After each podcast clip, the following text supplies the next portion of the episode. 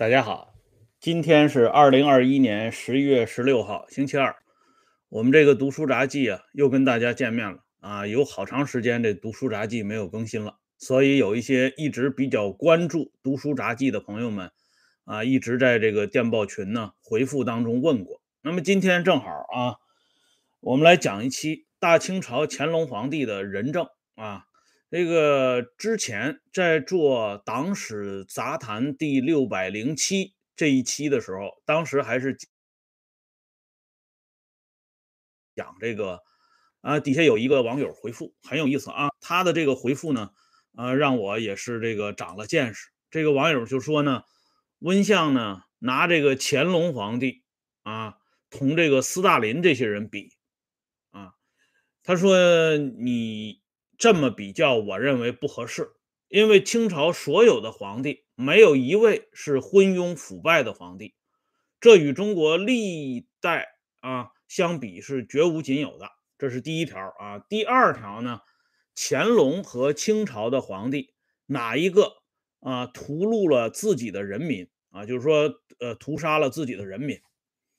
这两条呢，在他的回复当中引起我的注意。啊，我觉得这个网友很有才华啊，能够这么直抒胸臆，把自己心底要说的话，呃，如此的坦诚啊，毫无顾虑的讲出来，这特别让我们应该感谢这个火红的年代啊，只有这个火红的年代才会孕育这么火红的网友啊。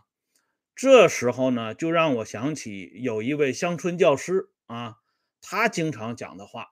啊，这网上传的很厉害啊！反正别人不知道，我对乡村教师那一向是非常敬佩的，因为不敬佩不行啊。他掌握真理啊！你像这个洪秀全乡村教师吧，掌握绝对的真理；毛泽东呢，乡村教师吧，也掌握绝对的真理啊。还有一个虽然是虚构的乡村教师，但是在虚构的世界里，那也是。啊，非常不得了，那就是《水浒传》里的吴学究啊，军师吴用，那也是乡村教师啊。那么这位乡村教师说什么呢？他说：“这个你呀，瞎编呢，你不能编这个清朝的皇帝。清朝的皇帝每一个都是职业皇帝啊。”我听完这个乡村教师的结论之后呢，我这脑袋嗡的一下啊，就像这个电影《顽主》里边。写的那样啊，大脑一片空白，哎，再加上咱们这位这个网友的神回复，那我更加啊高山仰止的看待这两位了啊。我觉得咱们这位网友恐怕也是属于乡村教师这个重量级的啊，掌握绝对真理，要不然他不敢这么讲啊啊！清朝哪一个皇帝昏庸腐败啊？第二个呢，清朝和乾隆皇帝。哪个屠戮过自己的人民？哎，这话都随便敢说啊！我记得当初这个连伟大领袖都不敢这么说。这大清朝啊，在这个咱们国家这人民群众心目中地位比较高啊，实际上是跟毛泽东有直接关系的。一九四九年之后啊，新社会嘛，这个毛泽东曾曾经啊多次对清朝皇帝。做过肯定性的评价，啊，彭真同志呢，在这方面做的工作就更到位了。这爱新觉罗，姓爱新觉罗的啊，都摆脱了国民党反动派的压迫和压制，啊，这个身份一抖啊，又都出来了啊，在街上晃啊，晃来晃去的，有的都晃进全国政协了，比如说溥仪啊，有的呢。晃来晃去，晃晃进这个中国书法家协会了啊，比如说溥杰啊等等啊，这些人脑袋上的那些帽子呢都没有了，剩下的啊只有只有一个非常显赫的这个名字叫前皇族啊，皇族啊不得了啊，那正儿八经的都是啊超越了镶黄旗满洲和正黄旗满洲，所以这个大家前一段时间不是看了吗？连一个坐公交车骂人的老太太都要亮一下自己啊正黄旗的身份，所以这个东西很厉害啊！特别是一九八零年以后啊，落实政策啊，搞这个统一战线，咱们的小平同志呢更可爱了啊，对这大清朝更是这个网开一面，这个清宫戏、辫子戏啊，那简直就是这个啊风起云涌啊！哎，这个小平同志还特别爱看这清朝题材的这武侠小说，什么《鹿鼎记》之类的啊，那都是朗朗上口。别看小平同志平时啊不读书不看报，这话不是我说的啊，这是第一次无产阶级大革命时期。啊，专门这个批判小平同志的大字报上写的啊，但是呢，人家对清朝的这些小故事掌握的非常细啊，再加上这清宫戏铺天盖地，大家就觉得这清朝简直啊，只有人民对不起他的份儿，没有他对不起人民的份儿。甚至有些人说，这么了不起的王朝，他怎么就覆灭了呢？啊，由此呢，大家更加痛恨国民党反动派。啊，如果不是这个啊，有伟大领袖那几句话压着，我估计这什么辛亥革命啊、武昌起义之类的，恐怕啊都得给踢出去啊。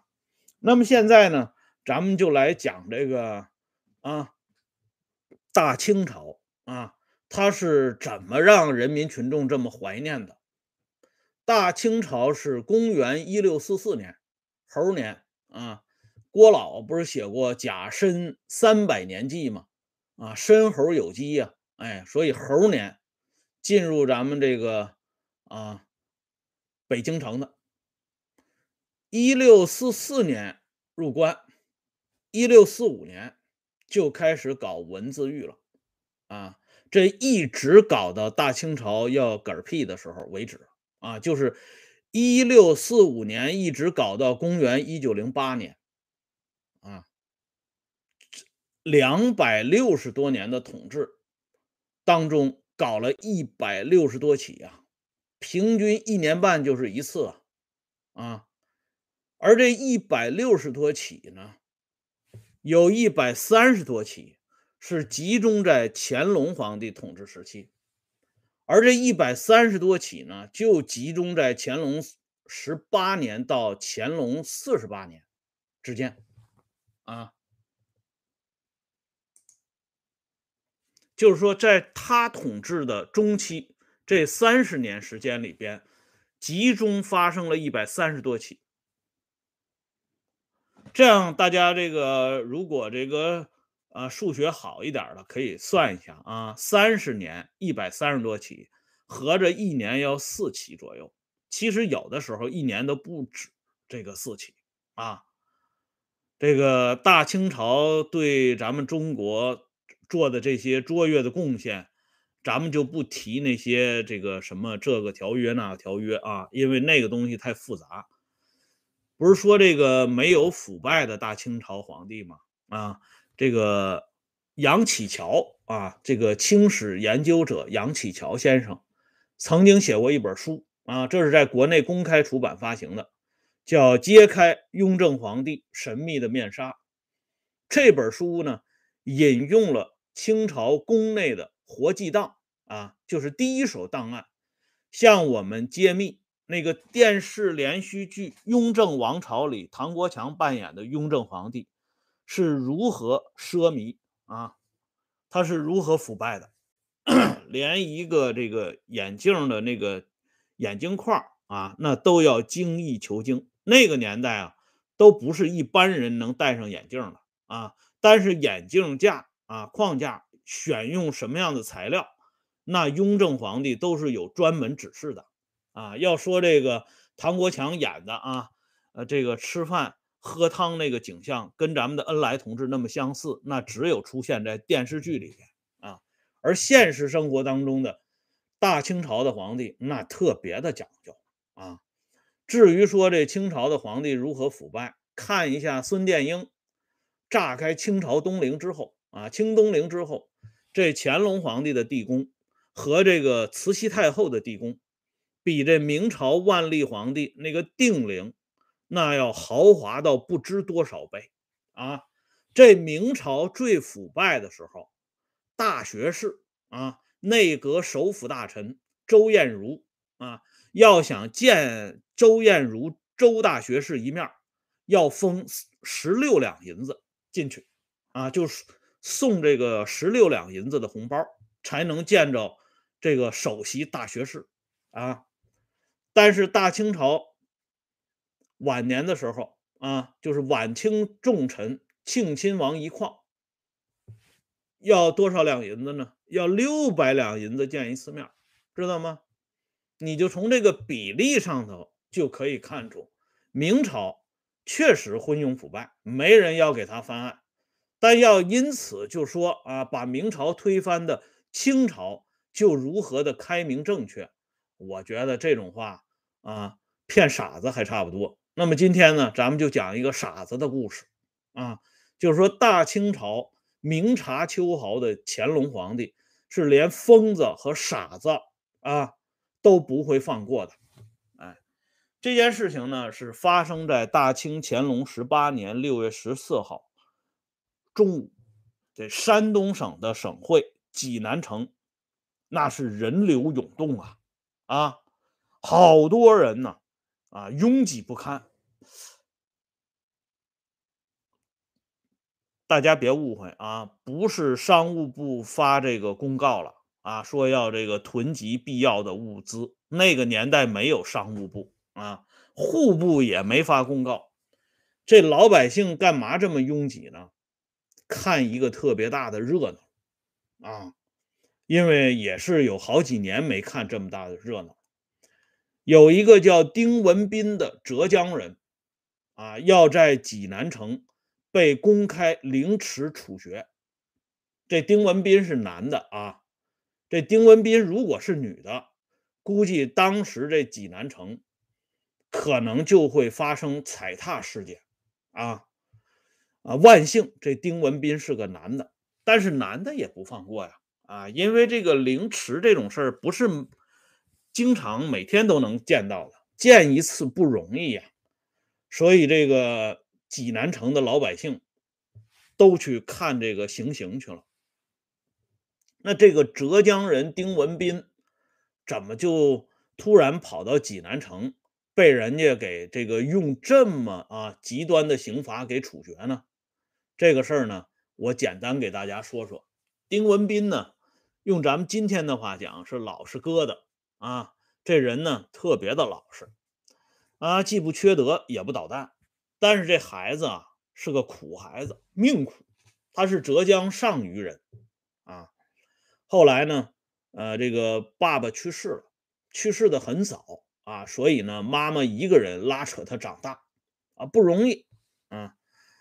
后来呢，这个娘俩呢，生活就，呃，比较这个孤苦伶仃啊，所以呢，就投奔这个丁文斌的这个啊叔祖父，就是他的二爷爷，到了杭州啊，到杭州以后呢，这个丁文斌呢，生活上一直也非常困难。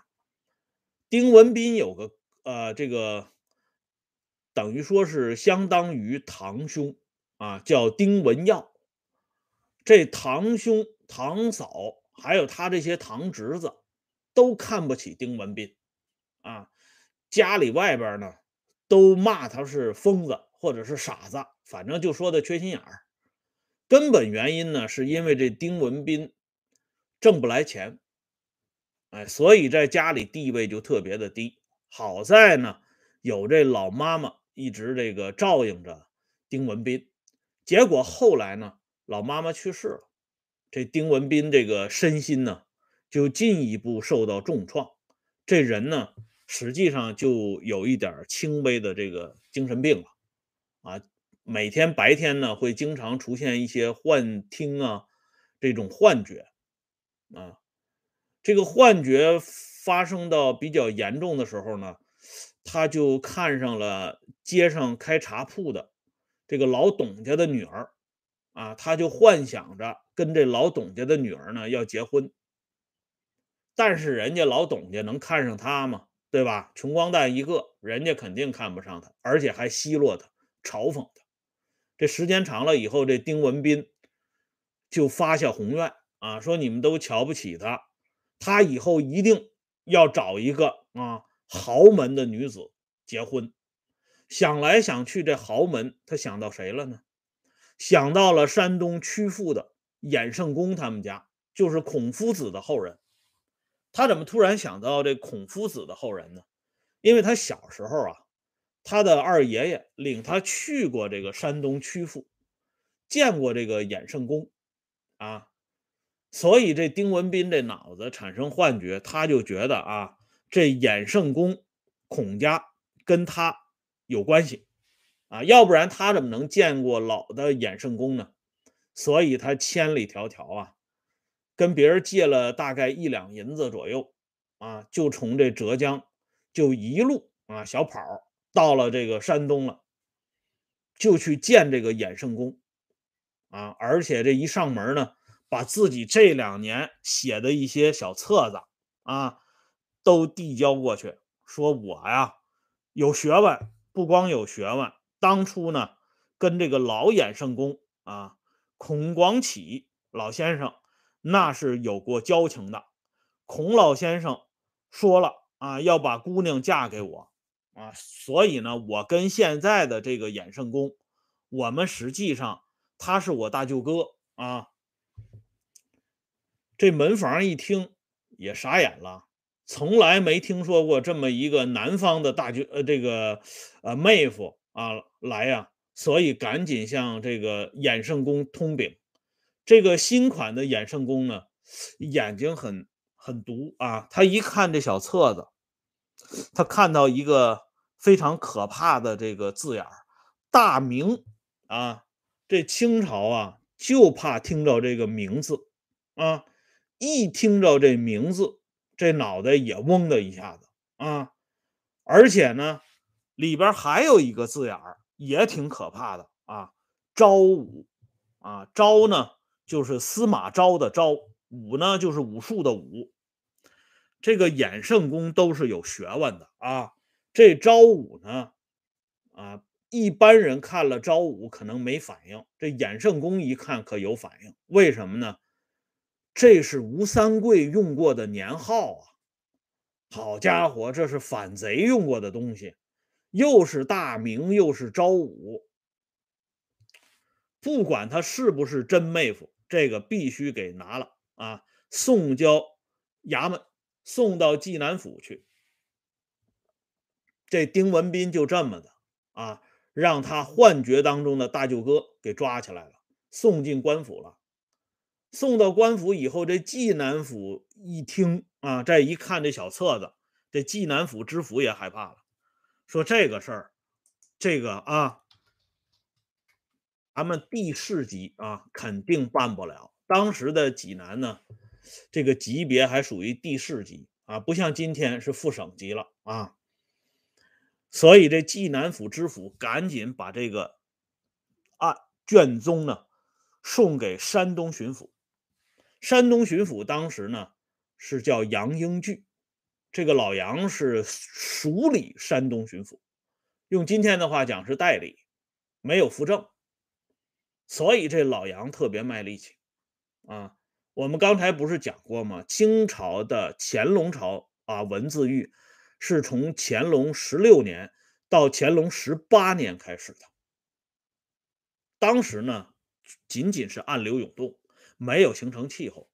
但是这山东的地方官那是得风气之先，人家离北京城近呢，啊，首先就闻到味儿了。尤其这代理巡抚。这个人鼻子特别灵，他就发现这乾隆皇帝啊，没事总喜欢找这文字上的茬儿所以他拿到这小册子以后如获至宝，觉得扶正的机会来了啊，赶紧把这丁文斌啊提交到巡抚衙门，他啊直接来审理。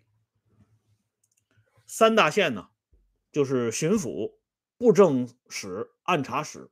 加上这济南巡呃济南知府都出席了，人多力量大，这一审下来，这杨英俊啊，差点哭了。为什么呢？这就是个傻子，这就是个疯子，说话颠三倒倒四啊，那简直就是没法形容啊！而且呢，身体也不好，这说到动动情处呢，是一把鼻涕一把眼泪的。这要正常搁大街上碰见杨英巨都不会搭理他啊。但是这个时候没办法呀，得耐心的听他胡说八道说完呢。所以这杨英巨啊，是六月上旬审的这个案子，六月十一号啊，就是把这案子审结之后啊，六月十一号以前，老杨就把这个奏奏折啊奏折递到北京去了，递到乾隆皇帝的御前。老杨的这个折子写的是滴水不漏啊，啊，上来呢，先是鸿篇大论，歌颂皇帝的英明，因为没有皇帝陛下的英明，我们不能抓到这个乱臣贼子啊。这首先要归功于皇上。其次呢，这个反贼啊，丁文彬这个人，我们详细盘问了啊。他没有同党，也没有幕后的主使，说白了，没有团伙啊，属于独立作案。第三点啊，丁文斌身体不好，赶紧啊，快审啊，快判快杀。这三大点写完以后，乾隆皇帝一看，官是好官啊啊，太能体察。朕的心思了，因为这种啊，按照谋逆处理的案子，通常都要罗织一大批人进来，这样呢，才显示这个案子的重要性，才能警戒广大人民群众，你们都要老实点啊！稍微有一点这个不稳定的东西，我们马上就能发现。但是这一次呢，丁文斌居然没有同伙啊！这书上又写大明，又写昭武的，这。他竟然没有同伙，这乾隆皇帝本来是想发脾气，臭骂一顿这老杨的，但是一看老杨写的第三条，这乾隆皇帝觉得这老杨这个人办事机灵啊，因为什么呢？这丁文斌的身体不行啊，扛不住了。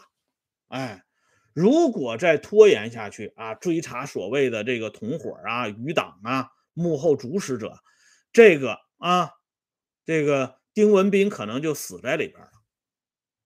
这人一死，你没法这个教育广大人民群众啊。所以他一看这老杨这个人不错，是个好官所以乾隆皇帝六月十一号马上回复，立即啊安排处决啊，那肯定是按照极刑啊，凌凌迟啊，因为他是谋逆嘛，哎。并且呢，乾隆皇帝告诉北京的三法司，什么叫三法司啊？督察院、刑部、大理寺啊，相当于咱们今天的公检法，赶紧过程序啊，千万别耽搁了，因为那边济南那边等着回复呢。所以三法司呢，把三步并作一步走啊，按照皇上的意思判了一个凌迟处决。而那个时候，大家知道啊，这个文书的传递不像今天来个快递啊，来个高铁，甚至发个手机短信就都能解决了。那时候最快的叫八百里加急呀，啊，八百里加急，他也得用马去跑啊，用人去送。所以这乾隆皇帝呢，就担心啊，这八百里加急送到济南的时候，这老丁要是扛不住怎么办？乾隆皇帝这个人太细致了，心太细了啊！要不怎么咱们那网友都说呢？他从来没有屠戮过自己的人民啊！这乾隆皇帝马上让这军机处给这个山东巡抚下了一道密旨，说如果现在你们等着朝廷的批文，再处决这个丁文彬，肯定来不及了。你们先动手吧，这个程序随后啊追认没问题。这个时候特事特办啊，不要拘泥于这些这个条文。哎，这山东巡抚杨英巨一听，哎呀，这皇上啊，皇上圣明啊，太圣明了，不能再等了。这丁文彬已经不行了啊，因为这个时候啊，杨英巨告诉这个下边人这两天一定要好好的给我伺候这丁大爷啊，拿他当大爷一样伺候，想吃什么赶紧给安排啊，把他身体养得好好的，然后呢，到刑场的时候不至于他提前就挂了。所以这底下人就按照这杨大人的安排，把这丁文斌呢，啊，暂时就给稳住了。到了六月十四号一早晨啊。这杨英巨就开始布置法场，一直布置到了中午，啊，调动了很多这个军队啊，要弹压呀，啊，万一这个因为拥挤啊或者其他什么原因造成不稳定的这个局面，跟北京没法交代呀，哎，所以这忙得不得了，连口饭都没来得及吃，这都是人民的好官啊啊！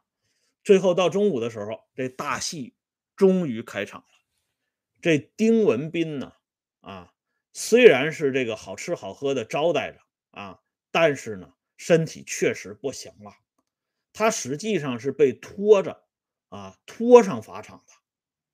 大家看过一部电影啊，就是李连杰啊，还有这个金城武他们主演的，还有刘德华吧，这个《投名状》那部电影呢，啊，有一个情节呢给删除了。后来这个网上有这个呃未删除版，大家看到那第一幕就是给那金城武呢判处这凌凌迟啊处决的那一幕，所以那一幕因为特别残忍，因此呢后来公映的时候就把它给删删掉了。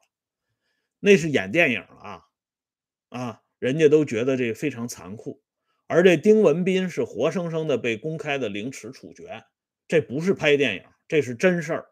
啊，照例呢，这个谋逆要割三百六十刀，但是丁文斌这小样估计三十六刀可能都扛不过去，所以这杨大人呢，就给底下的刽子手啊下了一道令，说你们啊，具体问题具体分析啊，你们自己把握，反正得让老百姓呃过一把瘾，让老百姓看一下啊，凡是对咱们大清朝不利的人。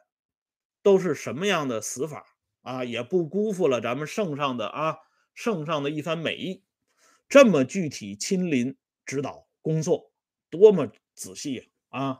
咱们大清朝想不繁荣昌盛都不行。所以这个底下行刑的人呢，就接到这个巡抚大人的令啊，对这丁文斌呢，更是好好的送上一程。就这么一个非常可怜的人啊，就这么就完了，这么。啊，被残酷的处决了，但是这个事儿呢没完，因为虽然没有同党，可是他有家人呢，啊，没有直系的，他有旁系的。这丁文斌的堂兄堂嫂，这时候就被这乾隆皇帝给想起来了。这两个人啊，山东方面拟定的这个啊。跨省啊，跨省追捕，然后缉拿到山东，这个是判的非常重。丁文斌的堂兄堂嫂是直接斩立决啊，杀头。但是乾隆皇帝讲究，这人特别恩慈啊，这朱笔一挥啊，说这斩立决有点太狠了，改成死缓吧，秋后处决啊。这公母俩呢？就暂时的缓了一闸，但是对这个丁文斌的四个堂侄子，虽然这四个侄子啊经常骂这叔叔丁文斌是傻子是疯子，那也不能放过啊。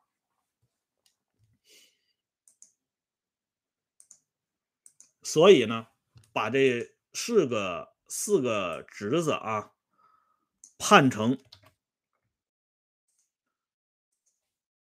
流放啊，并且呢，有的还给这个啊这个功臣家呀，或者是有钱人家、有权人家当家奴，就是剥夺了他这个自由的身份，给人家去当奴隶。哎，判的非常重。在家乡看过丁文斌的这小册子的三个人，也被举报出来了。这三个人呢，也是一通打呀。打完以后呢，也是流放啊，永远不准再回家乡啊，不准再给浙江人民丢脸啊。这样的话呢，这个案子哈，终于算是这个有了一个结论了。但是事情还没有完。为什么说没有完呢？因为乾隆皇帝发现一个小细节：之前这个丁文斌写好书以后呢，曾经把这书交给江苏学政庄有功。这庄有功一看啊。说的都是一些风言风语，这老庄呢就没放在心上，把这本书呢直接给扔回去了。乾隆皇帝把这个细节给抓到了，大骂庄有功啊，说你还是状元啊，这个进士出身，哎，庄有功这个人科举考试啊，那是成绩名列前茅的，哎。说你居然没看出来，这个小册子里边隐含了这么多啊谋反的东西。你跟这个山东巡抚啊杨英聚一比，这老有起哄说这个再见的啊，我不知道什么意思啊。你跟这个山东巡抚杨英聚一比啊，你什么档次的？哎，所以呢，把这庄有功重重的处分，怎么处分呢？罚款啊，罚十万两银子。这庄有功，嗯，赚一辈子都赚不了这个数，就一直罚到底啊。这是给官场的这些大小官员们看，哎，你们以后凡是不能这个见微知著的，不能从这细枝末节里发现这些不稳定因素的。你们就都跟这个庄有功一个下场，一个结局。哎，